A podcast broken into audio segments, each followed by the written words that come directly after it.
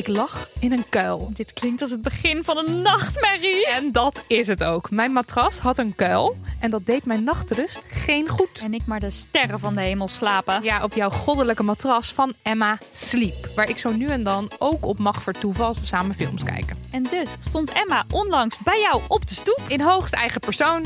Of nou ja, in de vorm van een matras. Het Emma Cooling Hybrid matras. En het slaapt. Als een droom. Ook kuilvrij vertoeven. Op emma-sleep.nl krijg je sowieso al korting waar je u tegen zegt. Maar met code DAMNHONEY aan elkaar geschreven krijg je daar nog eens 10% bovenop. Ter ere van 40 jaar Nacht van de Poëzie verzamel ik, Bianca Schrijver, buitengewone verhalen van gewone mensen in de podcast Nu je het zegt. Verhalen over veranderende vriendschappen, kleine heldendaden en ook over wachten op de dood. Ik bedoel, ik heb zeven jaar geleden dacht ik van ja, mijn pensioen ga ik niet halen. Omlijst met de mooiste optredens op de Nacht van de Poëzie hoor je elke aflevering één verhaal. Je moet er niet zo lachen, want ik... Luister nu je het zegt hier in je podcast-app. Dag hallo lief luisteraars. Welkom bij Damn Honey.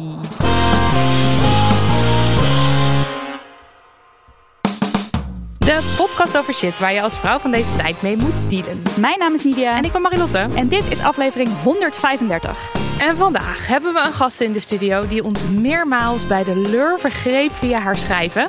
Uh, Nidia uh, las heel snel en haalde de nacht door om het hoge nest uit te lezen. Ja, ik, niet zelf, weg, ik zelf was een vakantie lang niet aanspreekbaar. Ik lees ietsje langer langzamer. Uh, en we zijn, allebei, we zijn allebei door eigen welzijn eerst geraast. Dat was echt, ja. dat ging ook heel snel.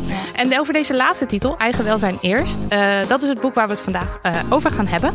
En uh, met de auteur, want het is schrijver en jurist Roxane van Iperen. Welkom. Pam, pam, pam. Ja, wat leuk om hier te zijn. Nou, echt geweldig oh, dat je er bent. Ja, heel leuk. Ja, jouw naam valt regelmatig in deze podcast, want wij zijn groot fan van je schrijven en van je denken.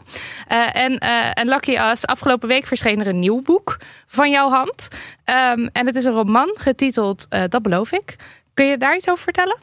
Um, het is heel gek, omdat als een boek eigenlijk nog niet echt gelezen is, weet je niet wat je gemaakt hebt. Nee. Um, jullie hebben volgens mij een voorproefje gekregen, dus misschien hebben jullie ook al een idee. Maar het, het technische verhaal daarachter, het is een roman over een uh, meisje. Mona Lisa, uh, van een jaar 12, 13, een beetje op de grens tussen basis en, en middelbaar. Um, en zij groeit eigenlijk op in een parallel universum van een heleboel geweld en een heleboel chaos en een heleboel uh, vrouwenhaat uh, eigenlijk ook. En probeert toch aansluiting steeds te vinden bij de normale samenleving. School, de wereld, sport. Probeert eigenlijk een gemeenschap te vinden waarbij ze zich kan aansluiten. Um, maar dat lukt niet. En uh, dat wordt ook steeds moeilijker. En ze wordt eigenlijk steeds meer toch gezogen in, in een wereld waarin hele andere wetten gelden. En vindt uiteindelijk het meest aansluiting bij verschillende subculturen. Dus um, het boek is opgedeeld in vier seizoenen. En in ieder seizoen zit zij eigenlijk, eigenlijk vooral de, de, laatste drie seizoenen, uh, zoekt zij haar veiligheid en haar heil bij subculturen. Zoals uh, bewoners van een vakantiepark, die daar natuurlijk eigenlijk helemaal niet mogen zitten. Um, uh, Roma in een, een reizigerskamp. En het laatste deel kunstenaars in een bos met hele rare eigen die er eigen mores op nahouden. Dus, maar ik, ik vind het altijd heel ingewikkeld omdat ik het nog niet weet. Dus misschien dat jullie al veel, veel meer een beeld hebben van wat het is. Nou, ik vind het uh, heel, ja, hoe je, ja, je hebt het zelf geschreven, dus dat is op zich ook logisch. Maar hoe je het nu weet samen te vatten, dat is, ja, dat is wat het, het heeft mij in ieder geval enorm geraakt. Maar ik moet wel zeggen, ik moest het dus heel snel lezen. Ja, ja, ja, en het is helemaal ik, niet een boek om snel te lezen. Het is juist een boek om even in te zakken. En ja, het is ook, het is ook een pijnlijk boek. Het, is, Mhm. mm -hmm. het, is, het, het, het, schuurt. En, maar het is zeker een uh, leestip wat mij betreft. Ja. ja, ik zit er nu kniediep in. En ik heb gewoon de hele tijd zo met haar te doen. Omdat ze zo aansluiting probeert te vinden. En zich aan de regels ja. probeert te houden. En het heeft iets heel beklemmends en, ja. en naars. Maar uh, ja, nou ja, ik vind, het, ik vind het prachtig. Ik hoop dat ik het... Ik lees het nu nog vanaf een pdf. Ja, ja. en ik kan niet wachten tot ik het tot gewoon het vast kunnen in mijn handen heb. Bijna, ja. Straks meer over uh, wellness rechts. Straks gaan we het hebben over wellness rechts. Um, maar we beginnen natuurlijk met onze openingsrubriek. Uh, de Femimist in. Niet wat was jouw Femimisser? Nou, wij maken transcripts van onze afleveringen, dus dat is helemaal uitgetypt. En ehm, jezelf terugluisteren, dat is één. Jezelf op papier teruglezen, dat is zo mogelijk nog verschrikkelijker. Uh, maar wat mij dus opvalt, is dat ik heel veel zeg geloof ik, denk ik, ik weet niet zeker. Hmm. Um, ik weet niks, zeg ik ook letterlijk Dat best wel vaak. vaak. Dat is echt Oh. een stopwoord voor jou. Ook wel met een kleine eh, knipoog. En ehm, ja, ik las dat. Ik dacht, daar moet ik toch een keer mee ophouden. Goeie. Maar ik dacht tegelijkertijd ook, hoe meer je leert over een onderwerp, hoe meer je je vaak bewust bent van het feit, je weet eigenlijk niks. En dat is ook niet Mhm. erg. Dus om je niks hebt te zo'n soort, weten. ja, Ja, je hebt zo'n zo'n soort leercurve. grafiekje van, oké, ik heb het gevoel dat ik nu het helemaal weet. En dan zak je zo helemaal in, want op een gegeven moment weet je dan zoveel dat je weet, ik weet niks. Maar het is meer de onzekerheid van het praten wat mij stoort. Dus Ja. de Ja. hele tijd het willen Ja. indekken in, ja, ik weet, eh, eh, dat, Dat is natuurlijk wel iets heel vrouwelijks. Dat doen Ja. veel vrouwen. En dat volgens mij kan het kan er ook naast, naast elkaar bestaan dat je enerzijds toegeeft dat je over een heleboel onderwerpen, zeker als je er heel erg in verdiept, steeds minder weet.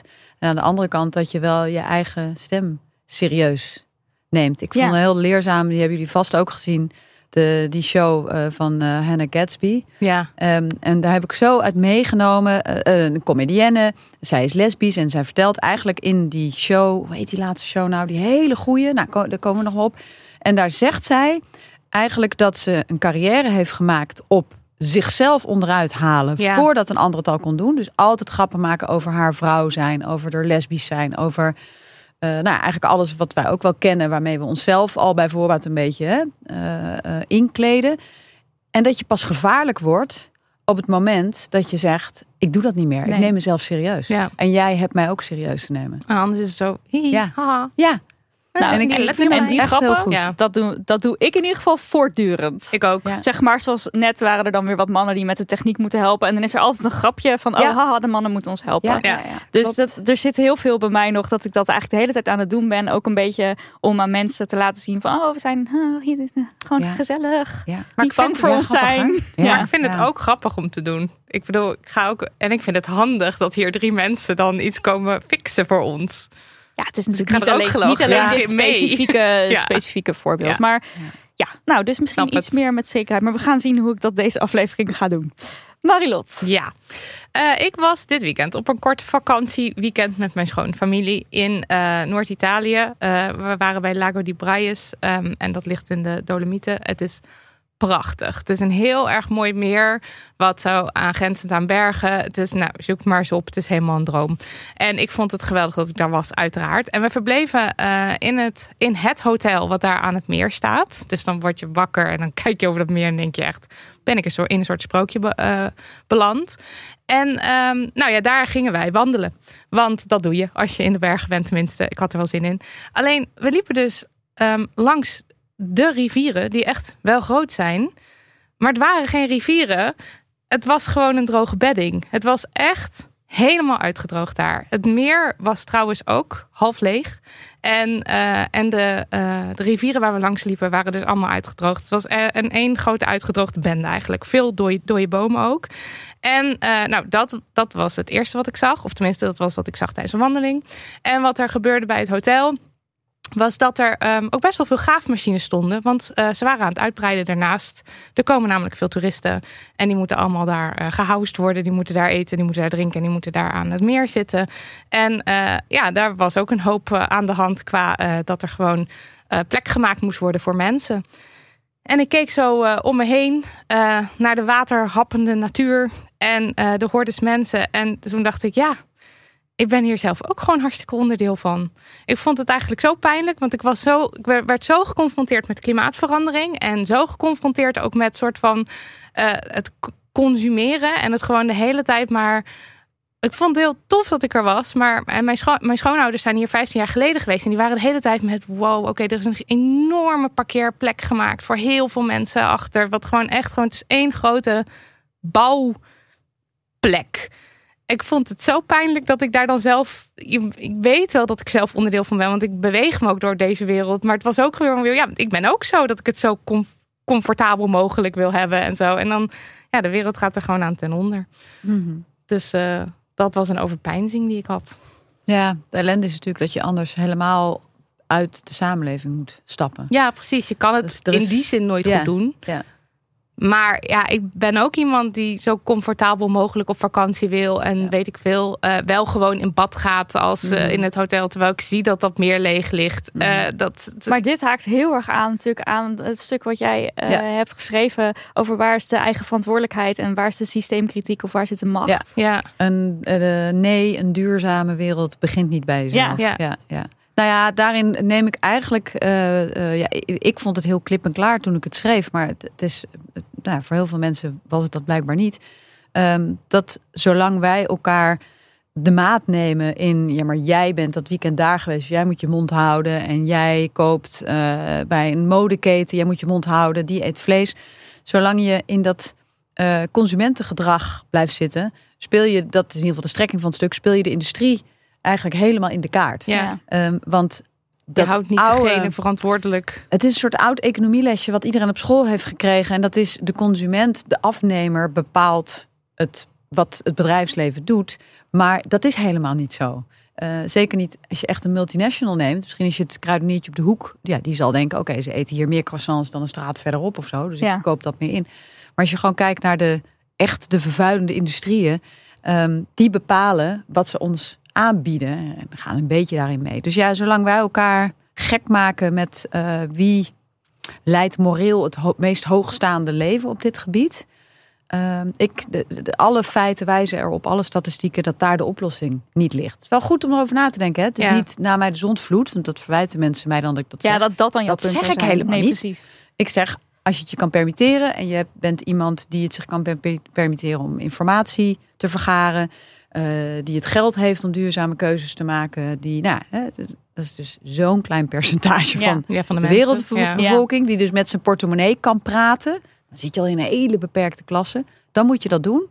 Maar ehm, denken dat daar de oplossing zit, dat is gewoon navelstaarderij. Ja, nee, dat is er. En ik Ja. denk ook niet dat er dat de oplossing ligt in dat ik dan niet naar dat dat ik dan niet op vakantie wel ga goed of zo. dat je erover nadenkt. Maar dat, het, was gewoon, Ja. het was gewoon zo'n zo'n raar, pijnlijk, ik weet niet, zo'n twee... Ik liep om dat meer en ik dacht, het ligt half leeg. En wij lopen hier met z'n allen nu foto's te maken van Ja. de half leeg. Het was Ja. veel mooier dan dit en wij hebben dit Ja. gedaan. Ja. Ja. Nee, Dus ja. dat ja. En jij, eh, Roxane? Wat is je Ehm, take op ja. de feminister? Ja. Nou, ik moest daarover nadenken. ehm, en toen dacht ik, wat ik in ieder geval mijn eigen kinderen probeer mee te geven, is dat dat niet bestaat.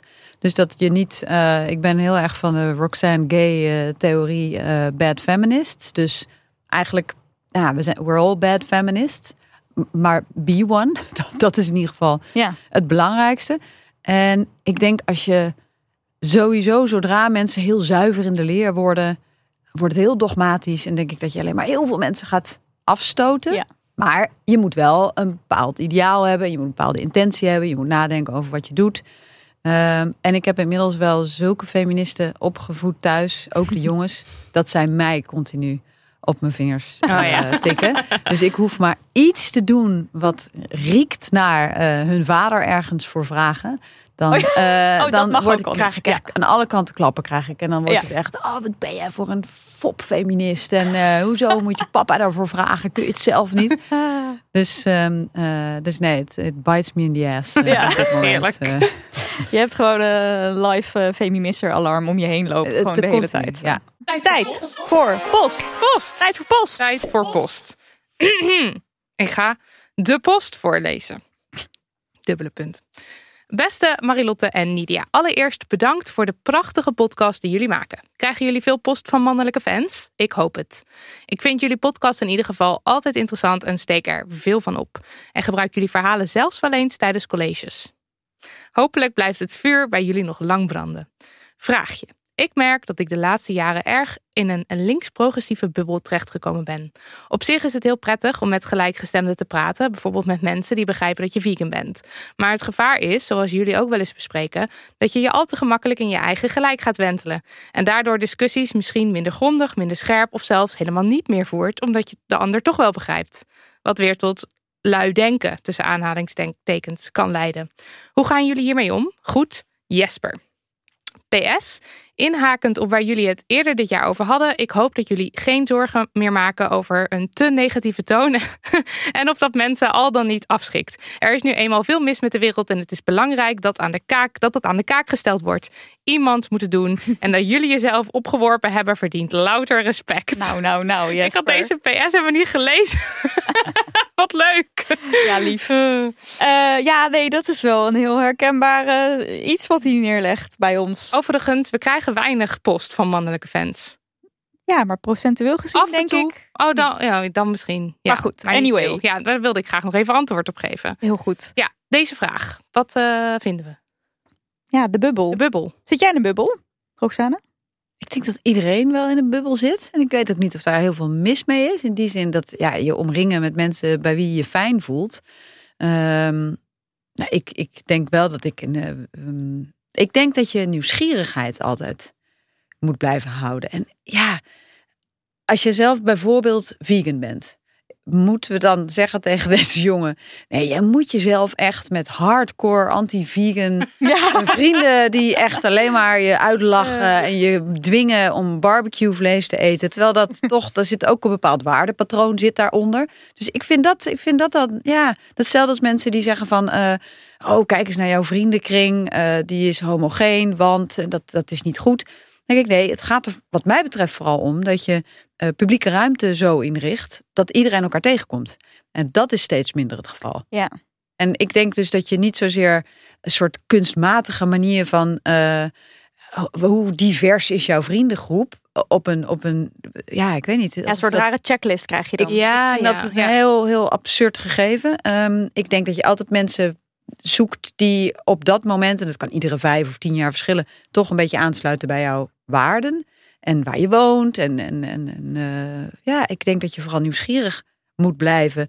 En het is natuurlijk onzin om te denken dat je divers ehm, nadenkt door alleen maar de mensen met wie je omringt. Ik bedoel, hallo, ik Ja, besteed veel meer. Ja, ik besteed Ja. veel meer tijd aan lezen, aan kijken, aan. ehm, ik denk dat de publieke ruimte heel vaak vergeten wordt, omdat bijna alle publieke ruimte, gedeelde ruimte, zijn wegbezuinigd. Dus Ja. je hebt over bibliotheken, zwembaden, buurthuizen, scholen waarin verschillende postcodes elkaar ontmoeten. Ehm, ik denk dat dat veel belangrijker is, dat Oh, we elkaar zo. tegenkomen. Ja, zo had ik er nog niet over nagedacht. Want ik denk wel, ehm, nou, vroeger, en met vroeger bedoel ik voor Damn Honey, toen hadden zowel Nidia- voor- en dat is voor nog jonger. Honey, Ja, vroeger. Eh, toen hadden eh, zowel Nidia als ik andere banen, waar we ook collega's tegenkwamen Ja. die er andere denkbeelden op nahielden. En ik kwam dus vroeger vaker mensen tegen die anders dachten dan ik, waardoor ik dus soms in discussies belandde.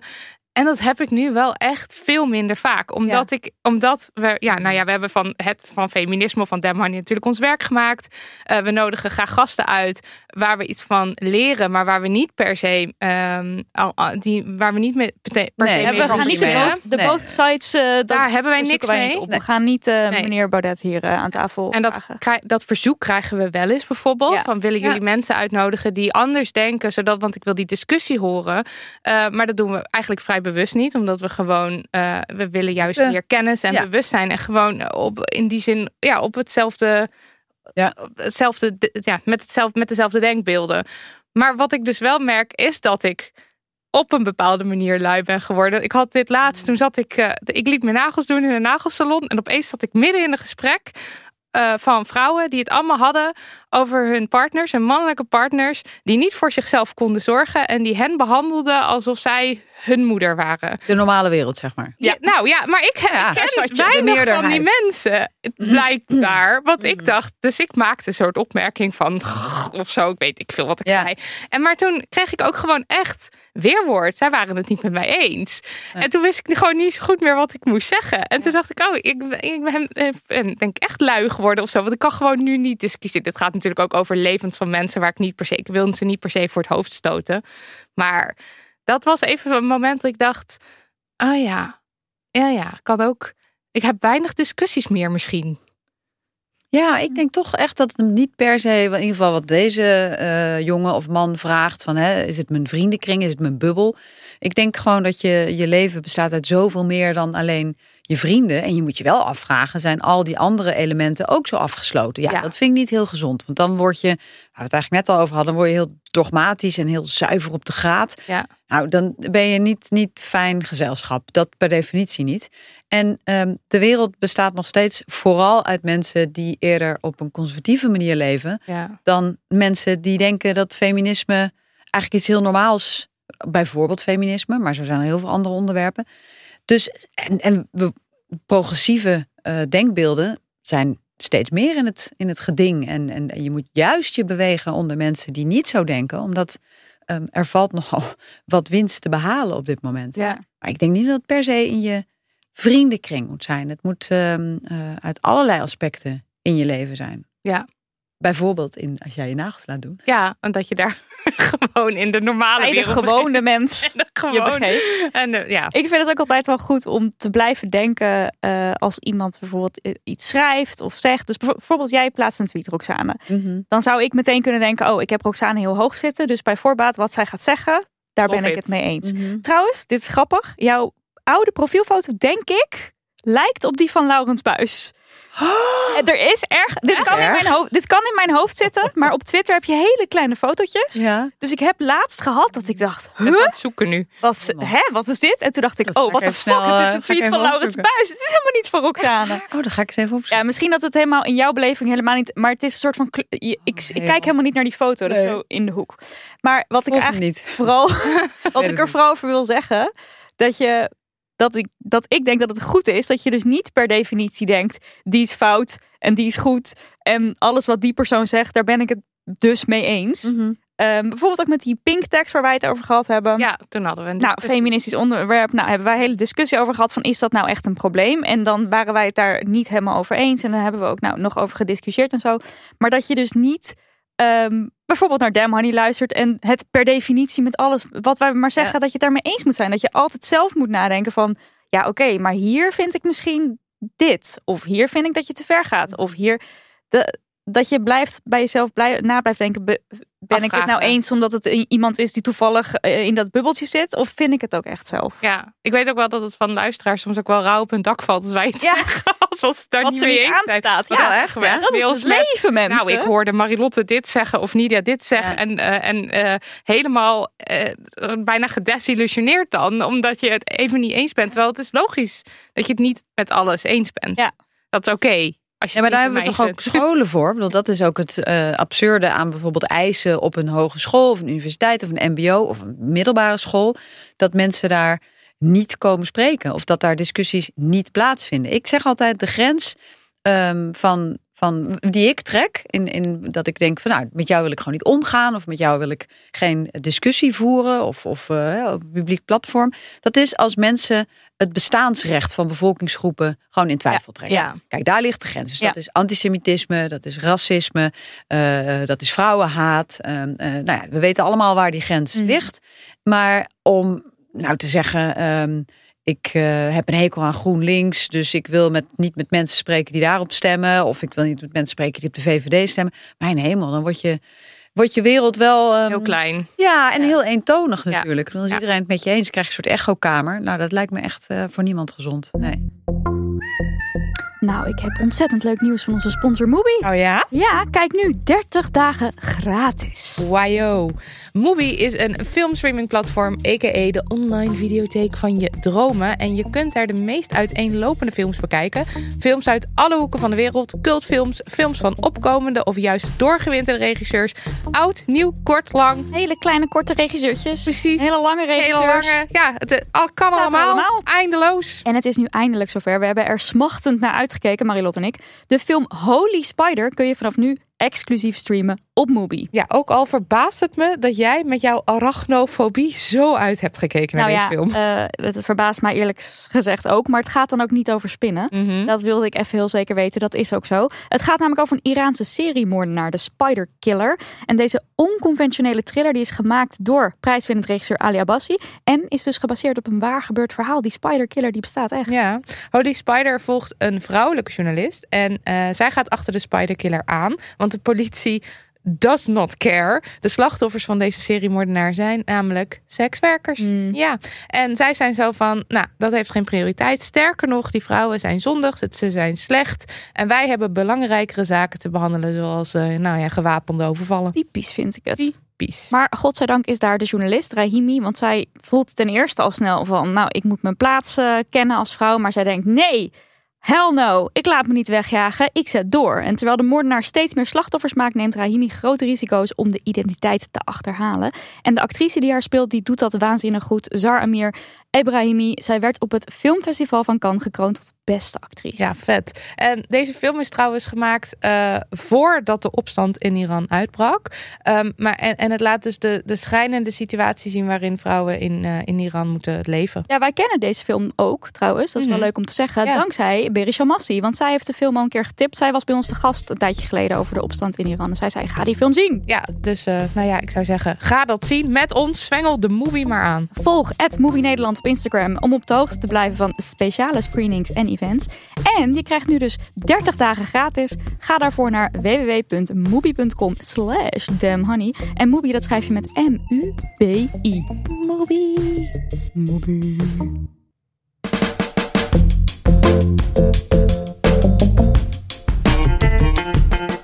We moeten het even hebben over het normaliseren van extreemrechts gedachtegoed. Van de opkomst, over de opkomst van wellnessrechts, complottheorieën, wij-zij-denken, noem het allemaal maar op. Nederland heeft lang een zelfbeeld van openheid en tolerantie gehad. Zo schrijft Roxane van Ypres in Eigen Welzijn Eerst. Dat beeld kwam voort uit het naoorlogse optimisme van de middenklasse... die geloofde in kansengelijkheid, ongeacht afkomst of achternaam... en het belang van goede publieke voorzieningen. Zo zou elke generatie het beter krijgen dan de vorige. Maar is dat nog steeds wel zo? Spoiler, nee. En dat brengt onzekerheid met zich mee over je eigen toekomst en die van je kinderen. En wat heeft dit alles nou te maken met ex extreem rechts, met complottheorieën, met wellnessrechts, met de hele shabam? We duiken erin met jou, Roxane. Um, die, die openheid en die tolerantie, wat je in, je, wat je, wat je in de eerste zin zegt. Um, hoe, hoe ziet dat eruit? Zo'n zo zelfbeeld van openheid en tolerantie. Hoe zag Nederland eruit? Nou ja, het is, wil dus zeker niet zeggen dat het de realiteit was. Hè? Als we het hebben kijken naar naoorlogs Nederland, dan is het niet zo dat de realiteit was dat wij heel erg open en tolerant waren. Maar we hadden een zelfbeeld van openheid en tolerantie. Vonden dat. We vonden dat en we wilden graag zo gezien worden in de wereld. En we wilden die positie innemen. En er is wel daadwerkelijk heel veel um, politiek beleid opgevoerd. Dus na de oorlog was eigenlijk het streven vooruitgangsoptimisme noemde men dat dan. Um, dat je het niet meer moest uitmaken wat je achtergrond was, wat je afkomst was, of je rijk was, of je van adel was. Uh, in principe de migrantendochter, de, de, de, de boerendochter. Um, iedereen moest hetzelfde kunnen worden, ongeacht geslacht, um, dubbele achternaam of niet. En daar is echt beleid op gevoerd. Dus er werd geïnvesteerd in echt de publieke zaak goede gezondheidszorg voor iedereen, goed onderwijs voor iedereen. Echt ook vangnetten. Ja, echt. Uh, um, en plus inderdaad het gegeven dat iedereen een risicootje zou moeten kunnen nemen, omdat je een sociaal vangnet zou hebben. Ja. Je zou iets van een uitkering krijgen. En dat is een beetje het politieke beleid van na de oorlog geweest. Wat wat anders is dan dat het toen allemaal jippie open, ja. tolerant ja. en god wat was het allemaal uh, fijn. Dat is echt natuurlijk wat anders. Um, nou, in, combina in, combinatie met, uh, met uh, het feit dat um, uh, we natuurlijk steeds minder gelovig zijn geworden. Dus dat betekent meer individuele vrijheid voor mensen die toch buiten het huisje, boompje, beestje ideaal wilden leven. Was dat een beetje de golf waar we na de oorlog op zaten. Ja. En die had ertoe moeten leiden dat je van, even platgeslagen, van een dubbeltje een kwartje moest kunnen worden. Sociale ja. mobiliteit. Nou, dat is vooruitgangsoptimisme. En dat betekent ook voor even voor de vrouwenzaak, even voor ons, dat je niet meer vastgepind bent op die schablonen van eigenlijk onze oma's. Dus uh, je bent hetero, je gaat trouwen, dan ga je stoppen met werken of minder werken en dan ga je baren en je gaat en zorgen. kinderen ja. zorgen. Ja. Nou, en wat je eigenlijk ziet is dat er um, onder invloed weer van politiek beleid. Dit zijn geen natuurrampen, wie sommige mensen wel eens denken dat dat zomaar gebeurt. Uh, nee, dit is politiek beleid geweest. Zien we dat er een, um, ja, eigenlijk een afslag is genomen. En die beschrijf ik in eigen welzijn eerst. Een beetje vanaf Fortuin. Ja, dus hebben we het over 20, 25 jaar, 25 ja. jaar alweer. Ja, waarin we eigenlijk uh, um, onder invloed van een heleboel crisis en onzekerheden. En nou, Fortuyn gooide dat op migratie. Maar als je gewoon even kijkt naar de afgelopen periode, hadden we een financiële crisis, een uh, coronapandemie en vervolgens uh, hebben we nu een oorlog. Um, en zie je dat in tijden van onzekerheid mensen teruggrijpen op dingen die ze kennen. En in die zin, dit is even heel veel grote stappen snel thuis. Ja, ja. Mhm. Um, zie je bijvoorbeeld dat er ook weer een heel ouderwets vrouwbeeld helemaal aan het opleven is. En dat wordt dan zelfs feminisme genoemd. De vrijheid voor de vrouw om ervoor te kiezen thuis te blijven Oh ja. en voor haar kind Ja. te zorgen. Ja. eigenlijk gewoon. En wij zeggen altijd, eh, Dat moet je zelf weten. weten. En eh, weet je wel, als Ja. dat is wat je wil. Maar hoe kijk jij daar dan naar? Ehm, ben ik het niet helemaal mee eens, omdat eh, dan ga je echt helemaal uit van de wil van het individu. Terwijl als je kijkt naar, en die twee dingen kunnen naast elkaar bestaan, maar als in een heel land de meerderheid van de vrouwen dezelfde vrije keuze maakt, dan zitten daar krachten achter. Ja, het gaat dan meer over dat je het idee hebt dat het soort. Dat je, dat je misschien denkt dat, dat je het wil, maar dat het een soort. Je wordt geleid naar die. Zeker. Je wordt door Ja. de maatschappij Ja. geleid naar dat te willen. En Ja. Tuurlijk, ja, we hebben het natuurlijk ook, ook met het schoonheidsideaal. We hebben het hier heel vaak over. Van welk stuk van mijzelf wil dit en welk stuk is eigenlijk van buitenaf. En, en hoe weet ik nou wat wat is? Dat is onwijs moeilijk. Ja, en dat is dat zelfweten. Ik denk altijd wel zelfweten. En als het voor jou werkt, prima. Maar ik hoop wel dat we, eh, onder andere met deze podcast, mensen toch wel de schellen van de ogen laten vallen over dat je dus in een systeem Ja. zit dat jou een soort van deze stereotype denkbeelden opdringt. Of dat jou zegt, koop dit, want dan ben je mooier. Of En het is ook helemaal niet dan- erg, hè? Want wij, nogmaals, dat is eigenlijk hetzelfde als wat jij net over je uitje vertelde. Je leeft in een systeem. Precies. En anders moet je in je eentje in een bosje eh, of in een eh, hutje eh, in het bos gaan wonen. Ehm, dus het is prima dat die twee dingen naast elkaar bestaan. Maar je moet niet ontkennen dat als jij bijvoorbeeld grotere billen, grotere borsten, eh, grotere lippen wil. Ja, dat is een individuele keuze. Ja. Je kunt niet ontkennen dat dat wordt ingegeven door een hele dominante cultuur waarin je Ja. leeft. Dus als je dat gaat ontkennen, dan heb je gewoon, ja, dan, heb je je ogen gewoon eh, dicht. En dat geldt een beetje hetzelfde voor, ehm, eh, voor vrouwen die zeggen, nou ja, maar het is mijn keuze. Ben hoog opgeleid, of, of in ieder geval, ik, ik, ik heb een talent ontdekt bij mezelf. Ik kan wat in de wereld. En toen kwamen er kinderen en toen was het mijn vrije keuze om te zeggen, weet je wat, lieve schat, man, hetero, want daar hebben we het natuurlijk dan eigenlijk altijd over in dit model. Ja. Ehm, we hebben het echt over een- eigenlijk een conservatief eh, vrouwbeeld. En heb je het over een heteroseksuele vrouw. Ga jij maar werken en ik zorg al voor die kinderen. En dat is mijn vrije keuze, want ik denk nou eenmaal dat dat beter bij de vrouw past. Ja. die twee dingen, dat slaat helemaal nergens op. Dat is een culturele dominantie. Ja. dat je daarin vervolgens zegt, maar ik vind dat prima, dat is een ander verhaal. Ja, en het is natuurlijk ook weer wat anders. Tenminste, zo zie ik het. Als je daar een compleet eh verdienmodel van maakt. En het Mhm. ook actief gaat pushen op anderen. Dat vrouw is zorgen. En Mhm. vrouw is hele dure draagzak Ja. eh, dragen. En vrouw is... Nou, en erger nog dat je dat als eh, het nieuwe feminisme Ja, promoot. Want mij maakt het echt totaal niet zet. uit. Ik bedoel, ga, het maakt me wel uit trouwens, niet totaal niet. Ehm, eh, dat is gelogen. En Maar prima als jij eh, een man hebt die zoveel verdient dat jij deze lifestyle erop na kan houden. Ja. En dat je dan vervolgens bijvoorbeeld op Instagram een verdienmodel daaromheen bouwt. Nou, dan richt je je op een hele beperkte, rijke groep vrouwen. Die op het moment dat ze gaat scheiden niets heeft. Zo simpel is het. Hè? Dus dat is ook het, het, het, eh, de keerzijde waarom ik het niet allemaal maar prima vind. Ehm, maar er zijn natuurlijk een heleboel vrouwen die niet in dat schabloon passen. En door het zo te, te, te, te glamorizen eigenlijk, door het zo te Mhm. verheerlijken, ja, eh, benadruk je toch de manier van leven zoals wij al eeuwenlang eigenlijk ehm, ja, gedwongen worden te leven. Ja, heel Ja, conservatief. En wees daar eerlijk over. Ja. En verder prima hè, dat je daar geld wil mee wil verdienen. Want iedereen zoekt een manier om geld te verdienen.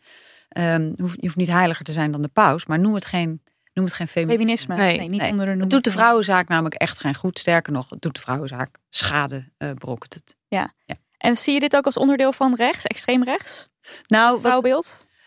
nou ja, het is natuurlijk onderdeel van een zeer conservatief eh, ehm, eh, gezinsbeeld, Ja. gezinsideaal. En wat je ziet is dat wereldwijd dat wel nadat we 50 jaar een voorzichtige emancipatie hebben gezien op verschillende gebieden, op het gebied van homoseksualiteit, op het gebied van vrouwen die niet per se in die rollen eh, moeten eh, passen. Op het gebied van religie daar ook losser in kunnen zijn. Zien we wel wereldwijd dat die conservatieve denkbeelden op politiek niveau ja, enorm aan een electoraat winnen. Ja. En het beetje het filijne eraan is dat het twee hele moderne componenten heeft. Want je kunt zeggen, ja, maar dit is toch gewoon terug naar hoe het 50 jaar geleden eeuwen gegaan is. Maar het filijne is dat je natuurlijk nu eh, internet hebt. Ja. Dus alles wat gisteren in Amerika populair was en, en enorme krachten van eh, nou, bijvoorbeeld de schoonheidsindustrie achter zich heeft, Mhm. is vandaag bij ons. Ja. Ehm, en het tweede, wat zou ik zeggen? Ja, oh, het heeft een progressief uiterlijk. Dus vroeger was een conservatief, ehm, conservatief model was bijvoorbeeld een vrouw die helemaal bedekt was en in de keuken en niet heel zichtbaar was. En wat je nu ziet is dat je heel progressief ogende, naar festival gaande ehm, meiden die met tatoeages en ze zien er super hip uit en die mannen zien er ook hip uit. En die promoten een, ja, ik zeg altijd, het is hoe mijn oma verplicht moest leven in een Ibiza-jurk. Ja, ja, ja. Ja, het is een Ja. beetje, wij noemen dat tof, tof sausje. sausje. Dat hebben we in onze Ja. allereerste aflevering Ja. hebben we deze term ooit eh, Ja. gegooid. Ja. Want het is inderdaad precies dat ouderwetse, Ja. maar dan ziet het er allemaal heel cool en eh, zo uit. Ja, en misschien eigenlijk ook eh, hoe wij ooit ontstaan zijn, hè? als reactie op een boek wat precies dit Ja. ook beschrijft. Dus heel conservatief eigenlijk en heel erg eh, je, je ehm, hoe zeg je dat? Valideren, validatie van een man moeten krijgen en op je knietjes, want anders Ja. dan kan hij ze zaad en bla bla bla, noem het allemaal maar op. En met En dat af en leek toe dan heel cool allemaal en, En met- progressief. En met af en toe zo'n zinnetje ertussen van, eh, maar je moet zelf weten hoor. Maar je moet doen waar je zelf zin in Ja, dat hebt. zat daar dan Dat nog wel in. nog maar wel dat zit hier misschien al veel minder eh, in deze. Nou, ik denk wel dat die vrouwen ook heus wel denken, eh, je moet het zelf weten, maar het is natuurlijk een soort eh, hellend vlak. In die zin dat zodra je gaat stemmen op partijen die dit echt onderdeel van hun programma hebben. En Ja. je ziet nu dat we, nou, we hebben al eh, ruim 30 jaar centrumrechtse regering in Nederland. Maar als je even globaal kijkt, nogmaals, door internet zijn we natuurlijk allemaal met elkaar verbonden en, en door handel. Ehm, ja, dan zie je dat dit wereldwijd de meeste macht in handen heeft in, in, in de grootste democratieën. Ja, deze, dit conservatieve gedachtegoed. Ja, dus Dit- dat we eigenlijk na 50 jaar, wat natuurlijk niets is aan emancipatiestromingen, ehm, best wel snel hele kleine stapjes terug aan het nemen zijn. Kijk bijvoorbeeld naar vrouwenrechten, kijk naar eh, anticonceptie, wat onder eh Balkenende Ja. al uit het basispakket eruit gegooid is. Eh, kijk waar we in Amerika zijn. Dan kunnen we zeggen, ja, dat is Amerika.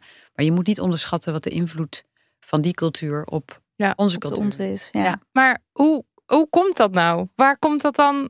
We gaan 50 jaar soort van vooruit, mini-stapjes, verschillende groepen komen uit de krochten van de samenleving. Ja. Zeggen, hoi, ik Mag er ook zijn. Ja. En dan nu gaan we, lijken we het soort van terug te gaan dus naar hoe het eerst was. Ja. Waar- wanneer, wanneer, hoe is dat gebeurd? Nou, het hele simpele, het is een mega complex antwoord.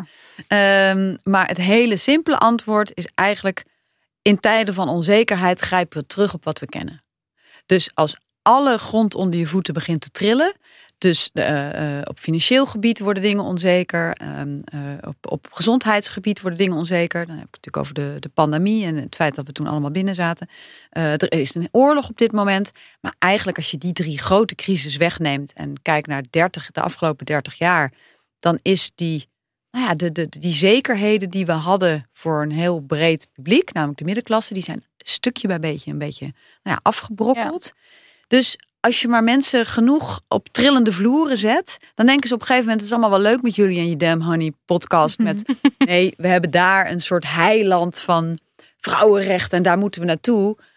Ik weet het zo net nog niet, want ik Hmm. ken het niet daar. Ja. Daar ken ik het wel. Ja. In mijn rug ken ik het wel. En ik weet hoe mijn moeder leefde. Ik weet hoe mijn oma leefde. Ja, en als je dan ook nog kijkt naar wie er eh, in charge zijn in de wereld. Wie toch het meest voor het zeggen hebben. Dat zijn mannen. En die zullen per definitie minder de urgentie zien van waar wij het hier met z'n drieën vandaag over hebben. Ja. Ja. Niet eens zozeer uit kwade wil, hè. Maar ook omdat ze het niet leven. Nee, en dan, en, en ja, om misschien ook, ja, je bent bang om iets te moeten inleveren als je andere groepen laat, Ja, zeg maar, ja, ook. als je er al bent zelf. Ik denk ook dat ze de noodzaak heel vaak niet zien. Dat ze de. eh, kijk, als je niet de stemmen op hoog niveau hebt die vertellen: jongens, het is voor mij als vrouw echt op dat en dat en dat gebied veel ingewikkelder. Dan hebben ze die realiteit niet in, in hun, eh, eigenlijk in hun probleemanalyse. Waarom na eeuwen mannelijke burgemeesters van Amsterdam is er nu voor het eerst een vrouw. En die heeft opeens oog voor hele andere problemen. Het feit dat meisjes op massale schaal in Amsterdam geïntimideerd worden. Nou, dat was ook natuurlijk een probleem onder alle vorige Ja. Ja. burgemeester. Maar nu is het echt een probleem. Nu is het een probleem dat op de kaart staat. Bij haar staat Ja. het in haar probleemanalyse, omdat zij dat leven kent Ja. Ja. en daar oog voor heeft. Dus het is geen kwaaie wil bij al die mannen, maar het is een blinde vlek. En wat zijn nog meer voorbeelden van ehm, eh, gedachtegoed wat, wat hier ook op aanhaakt? Op Dus, eh, wat Eh, op nu het, meer tot het bloei... conservatieve, eh, misschien meer op het, bijvoorbeeld het anti-migratiestuk? Of wa- wa- wat haakt nog meer aan op dat? Oh, je kunt het zo gek niet verzinnen. Uiteindelijk wordt ieder onderwerp binnen die groep die ik identificeer in eigen welzijn eerst, dus dat wellness rechts Mhm. clubje eigenlijk. Ieder onderwerp, daar springen ze uiteindelijk bij aan boord. Hebben ze dus wel iets? eh, eh, in ieder geval een, we omarmen ze conservatief gedachten. Ja. Dus of het nou over het klimaat gaat, dat wordt dan op een gegeven moment klimaathysterie, want het is allemaal onzin. Of het gaat over Oekraïne, Rusland. Nou, Oekraïne is ook geen lievertje. Die heeft eh, eh, biolabs en, en Poetin eh, eh, eh, helpt ons alleen maar. Dus waar je zag dat in het begin mensen dachten... oh, dit zijn alleen maar ehm eh, antivaxers. Ze dachten allemaal van nee, ze zijn alleen maar extreem conservatief en, en radicaal rechts op het vaccinatiebeleid. Zei ik eigenlijk al in eigen welzijn eerst.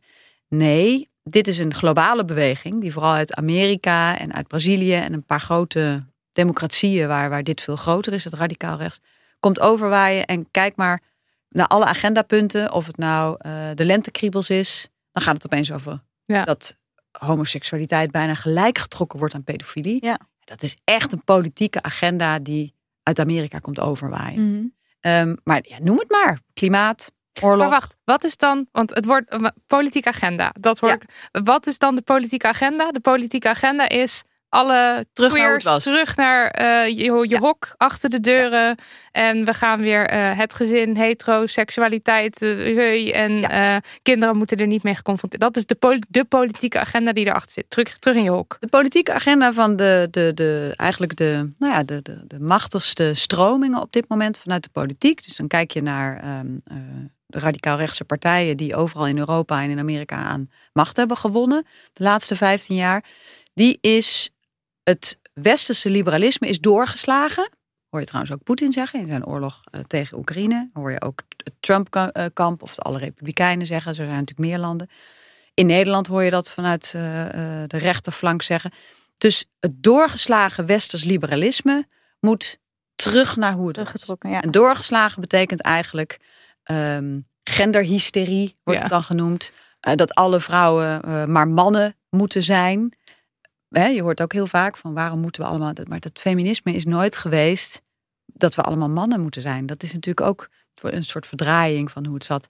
Ehm, dus het liefst, ja, ik denk 40, 50 jaar terug. Dat, zou dus, dat is wel wat ze. Ja, terug in je hok. Ja. 50 jaar terug in je hok. Gezin als hoeksteen van de samenleving. En je moet daar ook niet naïef over zijn. Als je kijkt naar het. eh, ehm, ja, iedereen strooit altijd met die term. eh, neoliberalisme. Mhm. Waarvan bijna niemand echt weet wat, dat het nou precies is. wat ja. het dan betekent. Maar dat is eigenlijk dat je eh, de overheid op enig moment heeft bedacht. Het is niet alleen zo dat we de markt de vrije hand geven. Het is eigenlijk dat we boven de markt gaan staan en dan zeggen er is een balans tussen markt en gezin. En we willen eh, de markt zo kneden dat er nooit iets in de weg staat om nou ja, eh, het verdienmodel helemaal tot wasdom te laten komen. Dus de markt moet floreren met zo min mogelijk regulering. Ja. En het gezin aan de andere kant moet de gemeenschap, de community bij elkaar houden. Oh ja. Maar dan heb je het over het heteroseksuele, Ja. christelijke Gezin. eh, gezin. Ja. En, en, en dat, dat is geen nieuws wat ik je zeg. Dat heb ik niet verzonnen. Dat, dat is gewoon een, eh, ja, een bekend gegeven. Ja, en dan begin je het te begrijpen. Dat ehm, wat je ziet allemaal met elkaar een beetje verbonden is. Dat Ja. het niet gek is dat ze bij Oekraïne iets conservatiefs zeggen. Bij klimaat iets conservatiefs zeggen. En als het over vrouwen gaat. En die middenklasse, want daar, de- dat is ook waar jij net, eh Marilot, kort een stukje over voorleest. Die, die wordt bang van al die eh, dingen die wegvallen. Die heeft ge- en dat is dan de zogenaamde fear of falling, wordt dat ook wel genoemd? Dat is eigenlijk de middenklasse is zo belangrijk omdat ze een land als Nederland helemaal bij elkaar houdt. Dus Dat is dat gezin dan ook. Maar, Ja. maar even, zeg maar, als je het hebt over middenklasse, welke mensen zijn dat dan? vraag. Dat is, Ja. eh, ligt eraan welke definitie je hanteert. Ehm, maar als je gewoon naar de overheidsrapporten kijkt, dan noemen zij 70% van Nederland de middenklasse. En dat is, eh, heeft te maken met een bepaald inkomen, maar het heeft ook te maken met, en dat vind ik een veel interessanter gegeven, want je kunt bijvoorbeeld ehm, niet heel veel verdienen, maar wel een geweldig netwerk hebben. Ja, Ja, ja. Omdat in de je- journalistiek zit of zo. Ja, in de journalistiek zit. Je of je- geen reet, ja, maar... nee. eh, Of je woont in Amsterdam en je kent heel veel mensen. Ja. Dan be- beweeg je je nog steeds heel makkelijk door het leven. En kun je bijvoorbeeld voor jouw kinderen hele goede scholen. Omdat je snapt hoe het Regelen. spelletje. Ja, ja, dat ja, ja. culturele Ja, kapitaal. Ik vind, de, ik vind eigenlijk inderdaad cultureel kapitaal, economisch kapitaal, sociaal kapitaal. Je weet je weg in de wereld. Ja. Maar je bent niet de toplaag. Als middenklasse, wat ook een tweede heel belangrijk iets is, ben je altijd afhankelijk van publieke voorzieningen. Je, bent, je kunt niet je eigen zorg Nee, je hebt niet je eigen Ja. elite scholen of Je zo. kunt niet naar een Nee. privéschool. Dus, dus eh, die middenklasse is hartstikke belangrijk, want die is eigenlijk wat de samenleving bij elkaar houdt. Ja. En Ja. die wil eigenlijk helemaal niet radicaliseren. Dat is helemaal niet in de aard van de middenklasse. Die wil rust. Ja. Ehm, dus als je die maar genoeg onder druk zet, dan gaan ze zich naar binnen toe keren. En dan zeggen ze van ja, maar ik wil even geen gekkigheid. Aan mijn lijf geen polonaise. Dus pas op de plaats. En dan krijg je mensen die massaal zeggen: ehm, Doe mij maar de common sense van de BBB. Ik wil gewoon mijn barbecue'tje. Ik wil niet eh, die genderhysterie. Ik Ja. wil geen lentekriebelsweken. Dan zeggen ze: Ik wil rust in de tent. Ergens, zeg maar, ik ben het er niet mee eens. Maar het klinkt ook weer niet zo onredelijk dat je rust in de tent wil. Behalve dat natuurlijk het altijd de verkeerde zijn die de kop van Jut Ja. worden in het verhaal. Ja. Want je kunt namelijk ook zeggen: Oké, wat is dan het probleem? Er is onrust veroorzaakt door bepaald politiek beleid. Dat is heel complex. Maar laten we dan stemmen op partijen die. Ik weet trouwens op dit moment echt niet wie dat dan zou moeten zijn. Nee, voor weinig oplossingen. Ja. Ehm, maar in plaats daarvan zeggen we: Oké, jij identificeert een hele simpele zondebok. Bijvoorbeeld de migrant, Ja. bijvoorbeeld de feministische vrouw.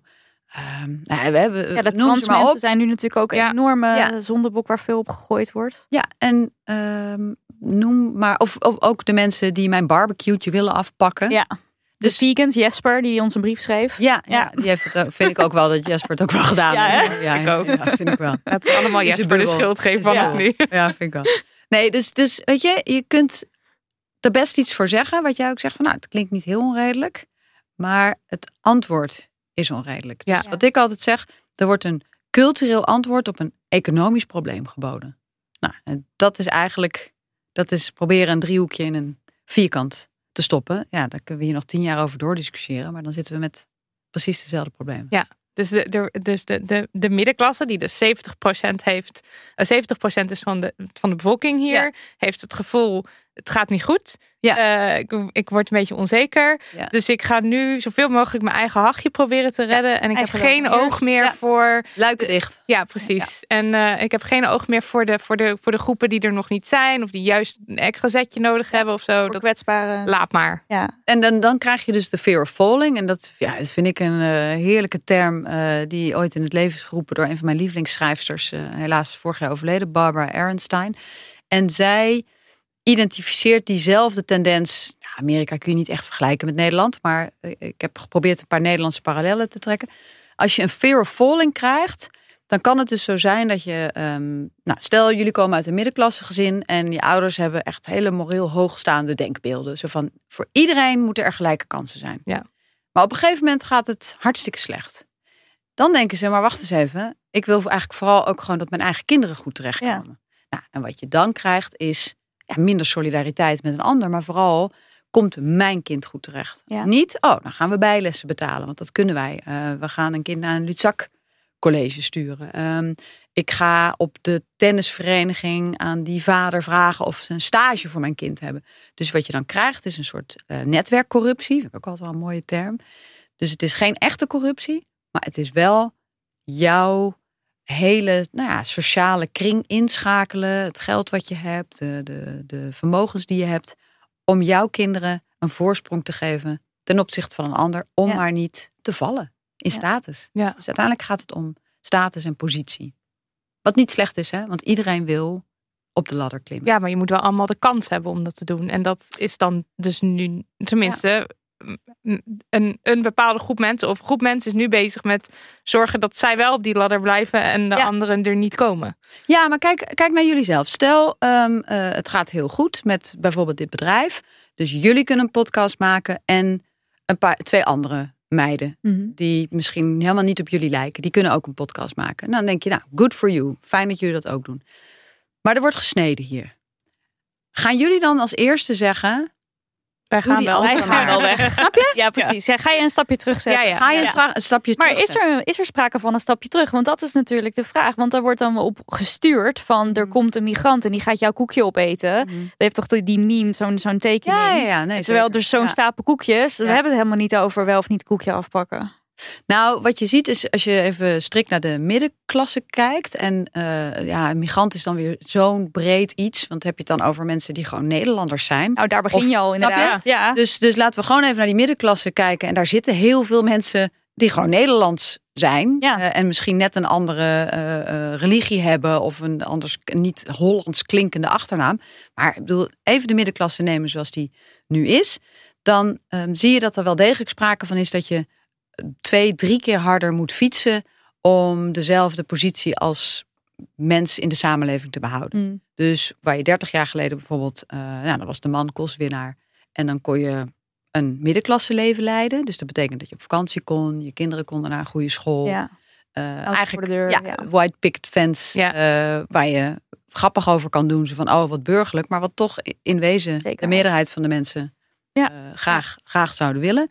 En dan zie je dus nu dat je bijvoorbeeld als je met z'n tweeën werkt, ehm, je niet een stapje hoger doet, maar net op hetzelfde niveau Ja. blijft. En daar worden mensen narig van. ja.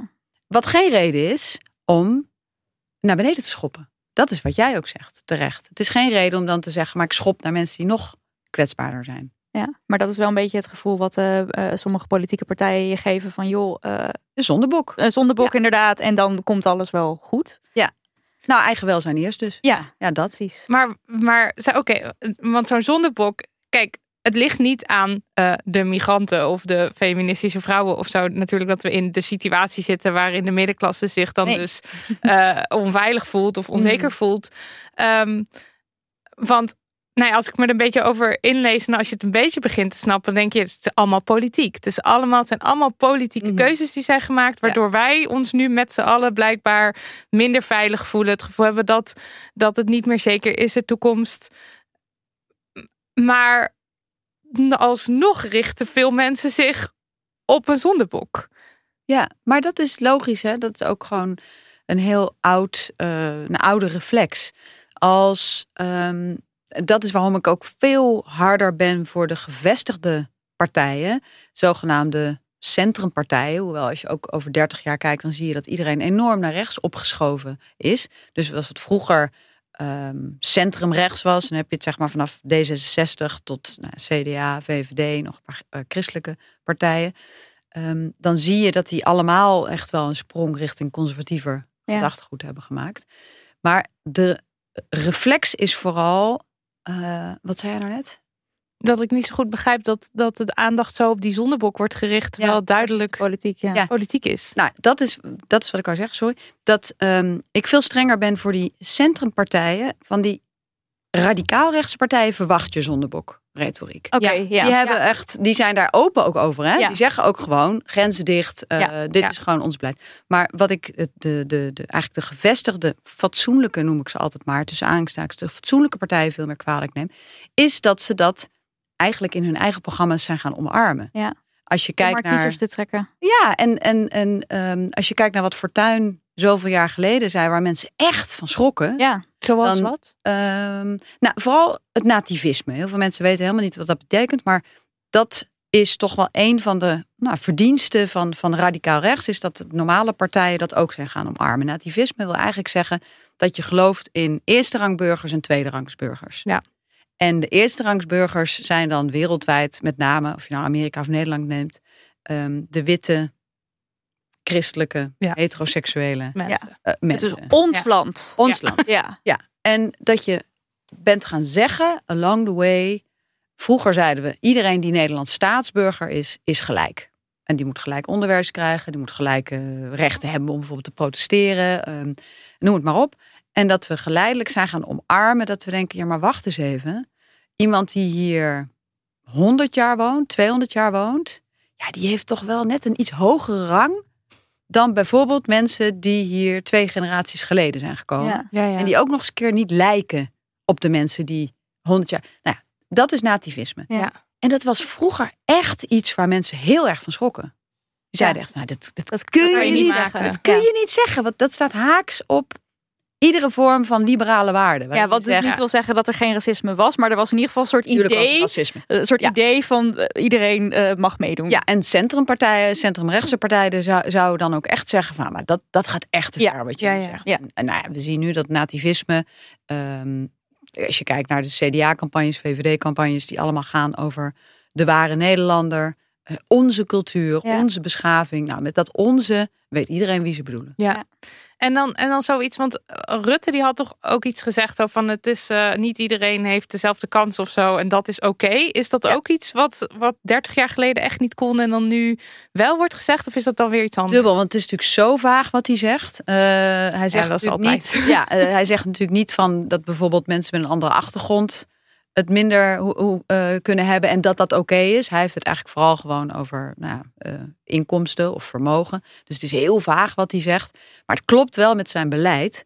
ehm, omdat ja, onder zijn kabinetten we bijvoorbeeld een enorm scheef belastingstelsel eh, hebben ontwikkeld. Waarbij mensen die heel veel vermogen hebben, veel minder belasting betalen dan mensen die hun geld uit arbeid moeten halen. Ja. ja, en als je ervan overtuigd bent dat dat geen enkel probleem is, dat het prima is om bijvoorbeeld te rentenieren en niet bij te dragen aan de samenleving, en dat je dan amper belasting betaalt.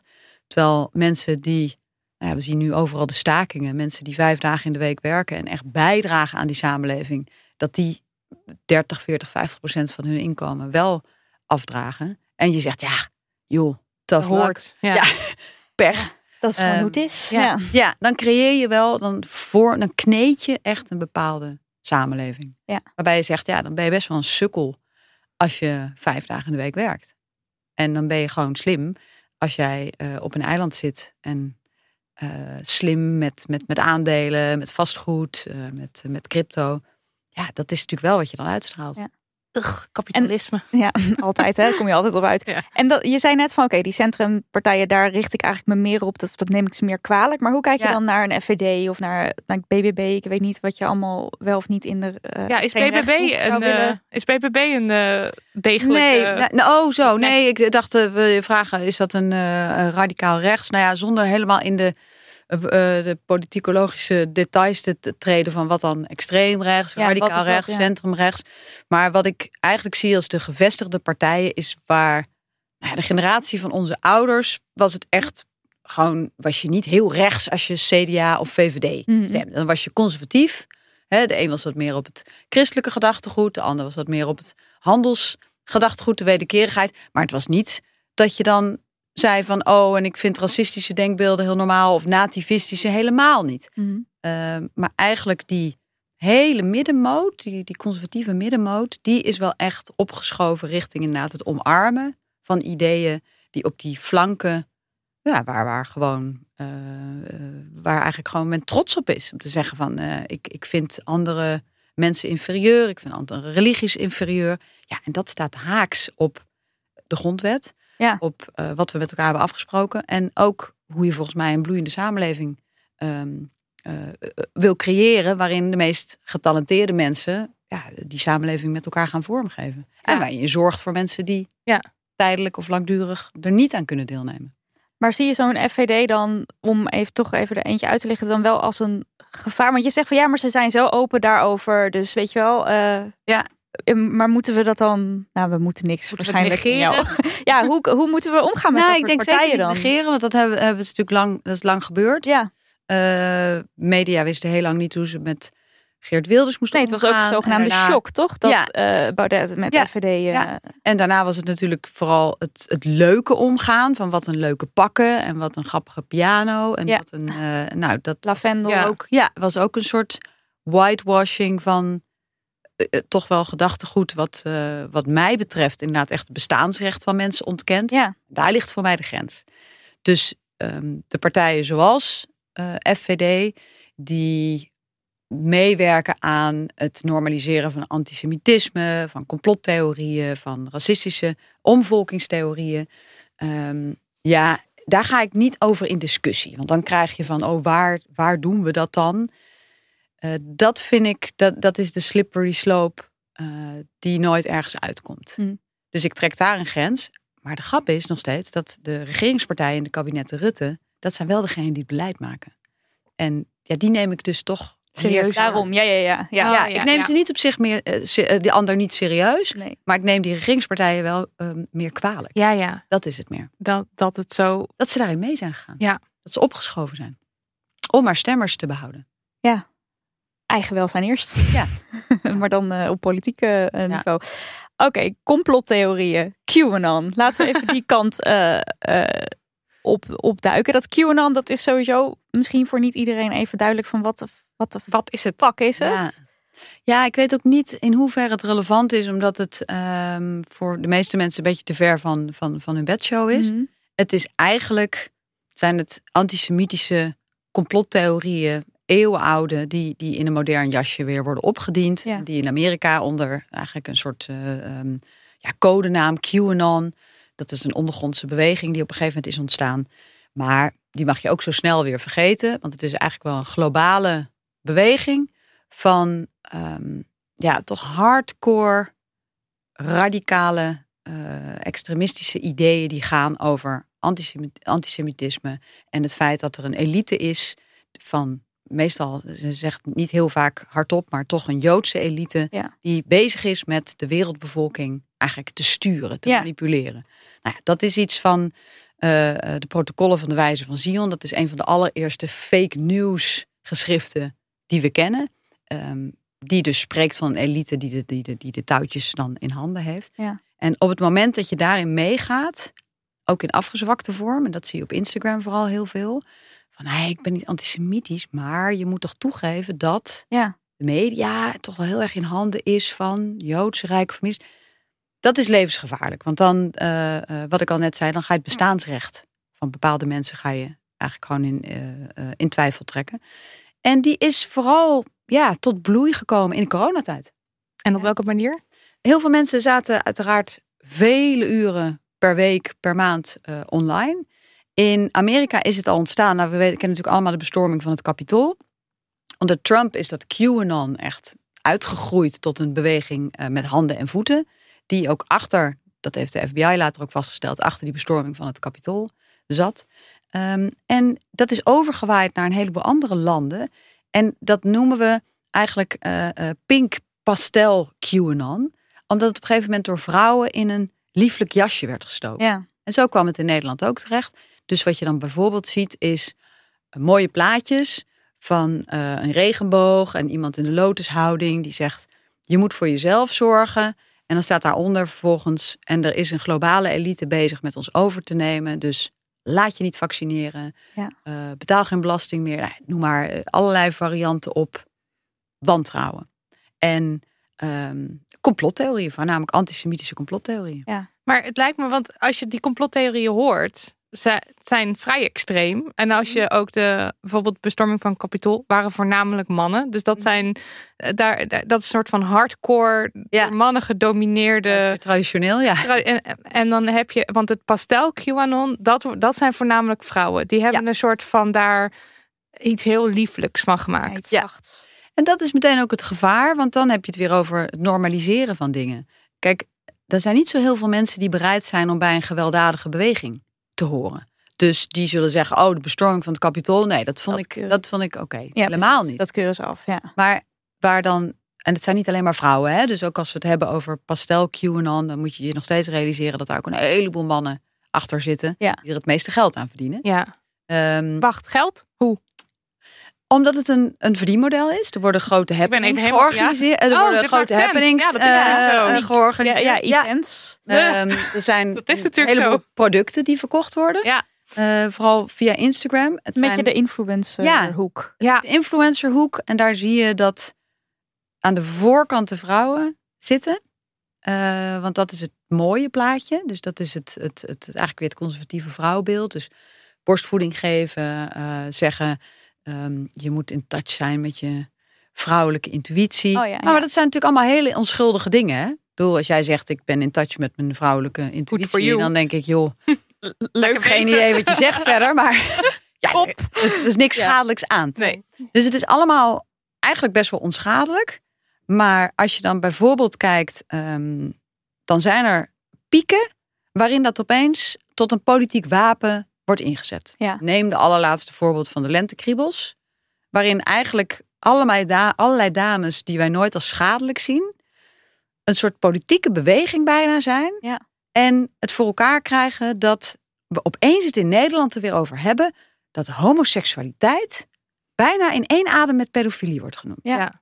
En, Nou. ja, en dat lukt ze ook heel goed, want het, Ja. was, het beheerste het nieuws. Ja, en, eh, en Rutgers eh, werd eh, aangevallen en Ja. bedreigingen en dit, dat. En dan is dit dus, zeg maar, eh, is dit dan wat je bedoelt met, dan heb je dus eh, een, een middenklasse groepen die het dan dus nodig vinden om daarvan te zeggen, eh, dit is schadelijk, we, we moeten de kinderen beschermen, ehm, we moeten hier wat aan doen. En dus ga terug in je hok. In plaats van dat ze zeggen, eh, weet ik veel, jee, homo-emancipatie. Nou, het is natuurlijk zeker niet zo beredeneerd. Dus het is niet dat deze vrouwen ehm, denken: ik heb een politieke agenda of ik word aangestuurd. Want dan kom je zelf, word je zelf eigenlijk ga je in complottheorieën geloven. Dus je moet het veel meer zien als ehm, eh, de dames of de groepen die wij uiteindelijk zien in de media, die de stem zijn van dit Mhm. soort acties. Dat zijn, noem ik altijd, de opportunistische actoren. Dat zijn heus geen mensen die aangestuurd zijn door iemand of die een politieke agenda hebben. Die hebben oprecht zoiets van: hé, hey, wacht eens even. Klopt het dat onze kinderen op hun vierde leren over pijpen? Ja, precies. En dat kan niet. nee. Ja. Dus het is Dus- eigenlijk een oprechte angst ook vanuit Ja, waar Er zij zit heel veel posten. misinformatie zit Ja, er vaak op. ja. Maar dat zijn echt geen mensen die Die een denken, agenda hebben of een. Nee, die zijn oprecht gewoon angstig door dingen die ze hebben gelezen. Maar als je dan een paar lagen eh, naar beneden gaat. Ehm, en daar hebben we gelukkig hele mooie datasets van. Want anders dan, dan, dan wordt het ook maar gewoon een beetje wat in het wilde wegroepen. Dan zie je dat er ehm, nou, bijvoorbeeld in de tijd van het stikstofdossier, om even een heel concreet voorbeeld te noemen. eh, de spike, dus wat wij zagen in de media, was dat er opeens in de hele wereld hadden ze het over het Nederlandse stikstofdossier. Wat natuurlijk heel gek is, want wij stellen zo'n zo'n klein landje. we Ja. stellen niets voor. Nee. Dus dat was zichtbaar. En wat werd daar nou gezegd? Eh, op bijvoorbeeld de primetime republikeinse talkshows in Amerika, waar natuurlijk miljoenen mensen naar kijken. En dat verspreidt zich dan weer als een, als een inktvlek. Daar werd gezegd, dit is een manier van het WEF om weer die, nou ja, de- hè, de- de- de- het complot van een, een groep mensen die een agenda heeft, om om te volken. Dus je onteigent het land van de boeren. Je noemt het een stikstofprobleem. Maar wat je eigenlijk wil is migranten binnenhalen die daar gaan wonen. Om de heftig. oorspronkelijke bevolking eigenlijk te verzwakken. Ja. Dat is wat je doet. Nou, dit klinkt, als je dit nog Ja. nooit hebt gehoord, denk Ja, je... dat klinkt Wat? bizar. Ja. Koek, koek. Ja. Maar nou, dat kun je gewoon googlen. Dat, dat was gewoon overal eh, eh, ehm, in media, in reguliere media te zien, te ja. lezen. En, nou, en als je dan dus, dus dat is de spike, Mhm. wat wij zien. Dan ga je een paar lagen naar beneden. En dan eh, Bellingcat, dat is een onderzoekscollectief, die heeft toen uitgezocht dat dat begint in de krochten van extremistische, eh, nou ja, eigenlijk een QAnon-achtig iets. Waar een aantal complotinfluencers die veel invloed hebben in de krochten van het internet dit soort ideeën uitzetten. Dat gaat naar de volgende laag en dat komt dan op een gegeven moment bij gewoon hele normale. Influencer eh, types die 100.000 of, of, of misschien wel een miljoen volgers hebben. En dat komt dan eigenlijk in een steeds mildere vorm boven. Ja. Dan wordt er opeens door een massa gezegd van, maar wacht eens even, wat gebeurt hier? Worden onze boeren onteigend? Ja, dat willen we niet. Dat willen we niet. Ja. Ja. En dan krijg je het frame eh, zonder boeren geen eten. Ja. Eh, dus het wordt steeds minder zichtbaar wat daar nou... wordt ook steeds redelijker gemaakt. Het wordt steeds redelijker. En zo zie je dus dat zonder dus in, in complottheorieën te willen vervallen, want daar moet je echt mee uitkijken, dat je niet ook denkt van, god, daar is iets. Ik wou dus net zeggen, het lijkt wel alsof ze worden aangestuurd. Ja, maar dat is Maar dat dus is niet dus zo. niet zo. Nou, het zijn, laat ik het zo zeggen, het zijn opportunistische agendapunten. Ja, Kijk, niemand stuurt aan dat er opeens een stikstofdossier is. Een Nederlands stikstofdossier wat viral gaat over de hele wereld. Nee. Er worden elke keer gewoon een beetje willekeurige zaadjes geplant. Zoals ehm, eh, met de lentekriebels. Daar zag je dat daar een christelijke organisatie achter zat. Ja. Die strooit een paar zaadjes uit naar een paar influencers. Van hebben jullie gezien dat? Ja. Hoe kan het dat onze kinderen op die leeftijd zulke grove porno... Nou, hè, Ja, ja, ja, dat Dus is je strooit een paar wordt, zaadjes. Ja. 99 van de 100 ja, die doet er niks mee. Die ziet het niet. en de rest pikt komt er niet. En Ja. af en toe heb je een, een spike. Ja, En dan... maar- eh, Dan, oké, jij, jij pakt dat zaadje op, je gaat er wat mee doen, maar je gelooft er wel, ja, je gelooft wel echt dat het heel gevaarlijk en heel schadelijk is. Hoe komen we daar dan nog weg? Nou, omdat vaak eh, waar zij in geloven, dat zijn ook hele heftige dingen. Behalve Ja. dat dat dus vaak desinformatie is. Ja. Leugens. Dus als jij hoort als Nederlands gezin, gewoon doorsnee gezin, wat, wat verder niet, niet heel veel met dit soort onderwerpen bezig is. Van hé, hey, mijn kinderen krijgen volgende week les over anale seks. Ja, dat is Nou, dan, Ja, dan denk je ook. what the fuck? Sorry, Ja. maar wat? Snap je? Ja, ja, ja. Het- de reactie, daar moet je, dat is het symptoom. Dat heeft niet zoveel zin, wat je dan dus ook ziet. En daar probeer ik zelf nooit in mee te gaan. Ik word er soms wel voor misbruikt, want er staat er in een kop dat ik, dat ik iets afreageer op yogamoeders of dit en dat. Terwijl ik dat zelf juist helemaal niet probeer te doen. Die individuen, die boeien me niet zoveel. Nee, Nee. Die zijn vaak oprecht eh, bezorgd over hun kinderen. Je moet kijken naar het feit, wiens agenda dient het mogelijk. En zit er dan vaak geld achter of politiek beleid? Of Het een is soort van vooral macht? eh, macht. Het is vooral politiek eh, belang. En ehm, ja, als je in Nederland kijkt naar de populariteit van, van eh, sommige partijen, neem dat stikstofdossier en neem die hele dataset waarvan we dus zien hoe die verspreid is, eh, eigenlijk misinformatie over dat dossier over de hele wereld. En kijk naar de laatste verkiezingen waar opeens een nieuwe boerenpartij heel veel stemmen. Het, nogmaals, het is allemaal veel te simplistisch. Hè? Je zit er Ja. veel meer stappen, Ja. veel meer lagen tussen. Ehm, maar dan zie je dat er wel degelijk een politieke agenda in ieder geval achter zit, die eh, vooral gericht is op conservatieve krachten. maar is dat nog te stoppen? Want ik heb dus heel vaak het gevoel, ik sta erbij en ik kijk ernaar. Ja, het glipt door mijn Zoals vingers. bijvoorbeeld de lentekriebels, dan hoor ik van een vriendin die juf is, dat ze dus echt van, echt van veel ouders, die, Ja. die zich nooit hiermee bezig Ja. brieven krijgen op school, mensen die, voor de, die naar de klas toe komen om er iets over te zeggen. Ja, en ik heb Wat het ook gaan we doen? Met dat geweld tegen de queer community. Ik bedoel, dat is ook iets wat gewoon opeens veel zichtbaarder is. Help. Nou, ik denk vooral. ehm, ik weet dat als ik dit soort dingen zeg en je hebt hier nog nooit eerder over gehoord, dan klinkt het als van, nou, maar dit, dit is, Kan niet. de, ja, dit, Ja. dit leidt te ver. En dat begrijp ik. Maar als je de moeite eh, wil nemen om je er iets meer in te verdiepen, als je daar de tijd eh, voor hebt, niet iedereen heeft die tijd, hè, zo moet je het ook, ook zien. Ehm, maar dan begin je steeds meer te begrijpen dat het, ja, wat ik net al zei, dat het ook een soort basisreflex is van er is al heel veel onzeker. Laten we nou geen gekkigheid meer. Ik wil Ja. terug naar wat ik, wat ik ken. En Maar er is Ja. dus eigenlijk weinig aan te doen op het moment dat de onzekerheid, eh, zeg maar, nou sowieso ben jij niet van de individuen aanspreken op eh, jij moet dit doen en dan wordt de wereld beter. Maar zolang het onzekerheid blijft, Nou, je als individu heb je natuurlijk wel een burgerplicht. ja, En je hebt stemrecht. Ja. En ehm, op dit moment is het inderdaad zo dat in ieder geval de partijen die hier wat aan kunnen doen. die doen het niet. Ik vind ze niet heel zichtbaar. Ik heb niet het idee dat ze hele ambitieuze grote plannen hebben. Het is misschien een beetje flauw, hè? want ik sta aan de zijlijn. Dus wij kunnen het makkelijk hier met z'n drieën. Kunnen we, kunnen we het, hè, ik kan ook zeggen, hou je mond en ga de politiek in. Doe het zelf. ja die, die mail krijgen we ook regelmatig. Ja, nee, maar snap je? Dus Ja. je moet altijd uitkijken dat, dat, je niet te, dat je niet te makkelijk bent. Nee. Ehm, het is heel ingewikkeld. Los daarvan, als je progressief bent, wereldwijd, dan heb je de moeilijke opgave om mensen een voorland te schetsen Ja. wat nog niet bestaat. Wat ze dus niet kennen. Ja. Dus dat is bij, Dus per definitie je niet hebt- zeker. Sowieso ongelijke krachten, want Ja. als je conservatief bent, waar niks mis mee is. Hè? Want een heleboel mensen hebben conservatieve denkbeelden die niet schadelijk zijn. Ja, Ja. Want dan kan je terugverwijzen naar vroeger. Dan zeg je, jongens, mijn ouders, ik kan me herinneren dat ik vroeger bij mijn ouders kwam, dat was fijn. Ja. Ja.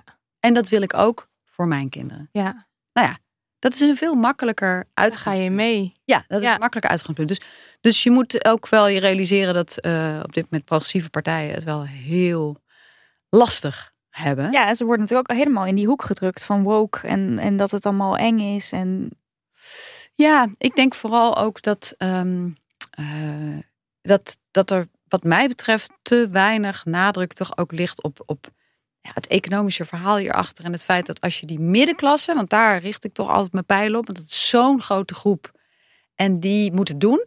Ja. Ehm, als die middenklasse wat meer comfort heeft, ja, dat wil niet zeggen dat, dat, dat racisme dan weggaat, hè? want dat is een heel ander verhaal. Dat is geen economisch verhaal.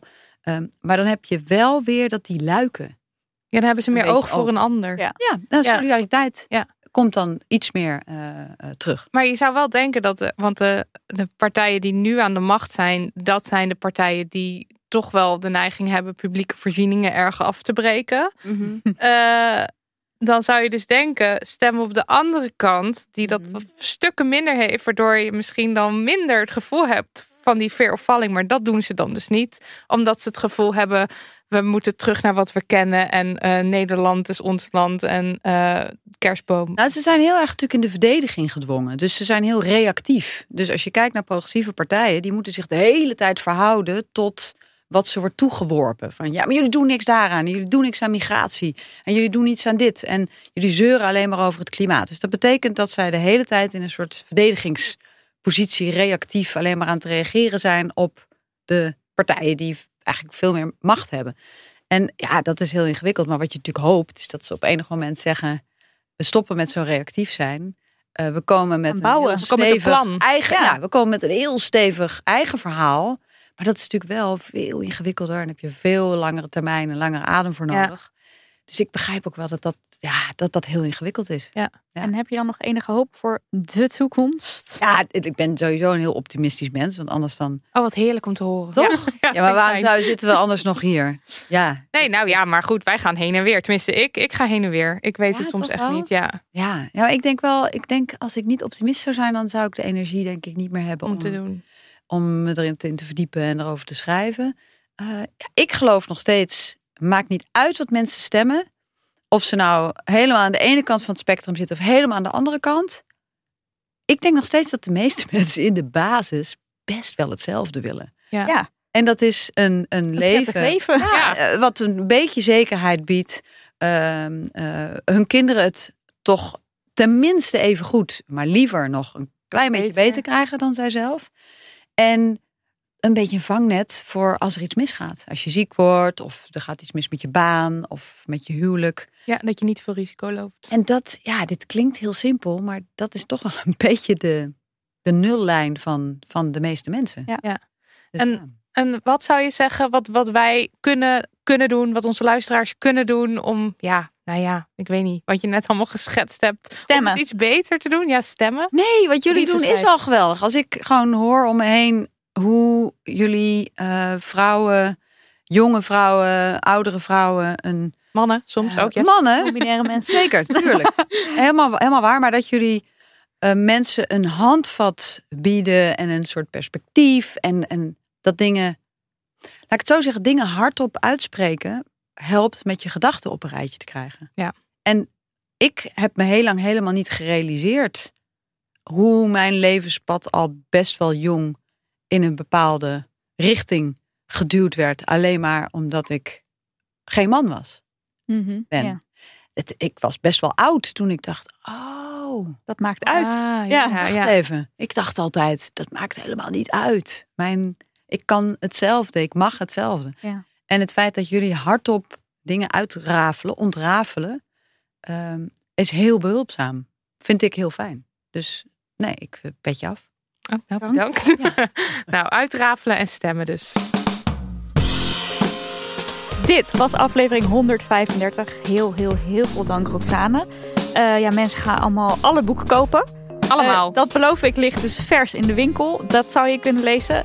Je kan het Hoognes lezen. Niet Eigenlijk als een eerste. Hoognes. Je kan het allemaal... Ja, je moet het ook allemaal gewoon lezen. Nu gaan we zeggen dat iets moet. Ja. We zeggen vaak zelf weten, maar nu zeggen we even het Ja. moet. Lees alle boeken. Eh, show notes van deze aflevering vind je op damhoney.nl slash aflevering 135. En daar vind je een paar dagen na het verschijnen ook het transcript van deze aflevering. Ja, dank aan onze drie schatten. Daniel van der Poppen, Lucas de Gier en Lisbeth Smit. Dan hebben we ook nog wat eh transcriptschatten. Paulien, Yvonne, Imke, Melissa, Paula, Pieke, Guusje, Maaike, Tess en Ja. een lading nieuwe helpers. Wat geweldig. Anna, Klaartje, Isidore, Maaike. Ja, we hebben nu twee Maaikes in deze club. En Robin. Heel erg fijn dat jullie ook eh, komen helpen, lieve mensen. Ach, ik vind het heerlijk dat jullie er zijn. Nou, Amberscript, dankjewel. Dat is de software die we gebruiken om het transcriberen een beetje makkelijker te maken. En dat mogen wij gratis en voor noppes doen. Dus dank, dank, dank. Stuur post naar info.damhoney.nl. En eh, ja, Stuur geld naar info.damhoney.nl. en eh, ja, Ja, kijk maar even verder, hè? wij zaten weer een soort loop. Ja, maar En, goed, eh, weet je wel, stuur geld of niet, stuur post of niet. En verder altijd zelf weten. Op emma-sleep.nl vind je het lekkerste slaapgoed. Kussens, matrassen, de hele shabam. Gebruik de code DAMNHONEY, aan elkaar geschreven, om nog eens 10% extra korting te krijgen bovenop de kortingen die je al op emma-sleep.nl vindt.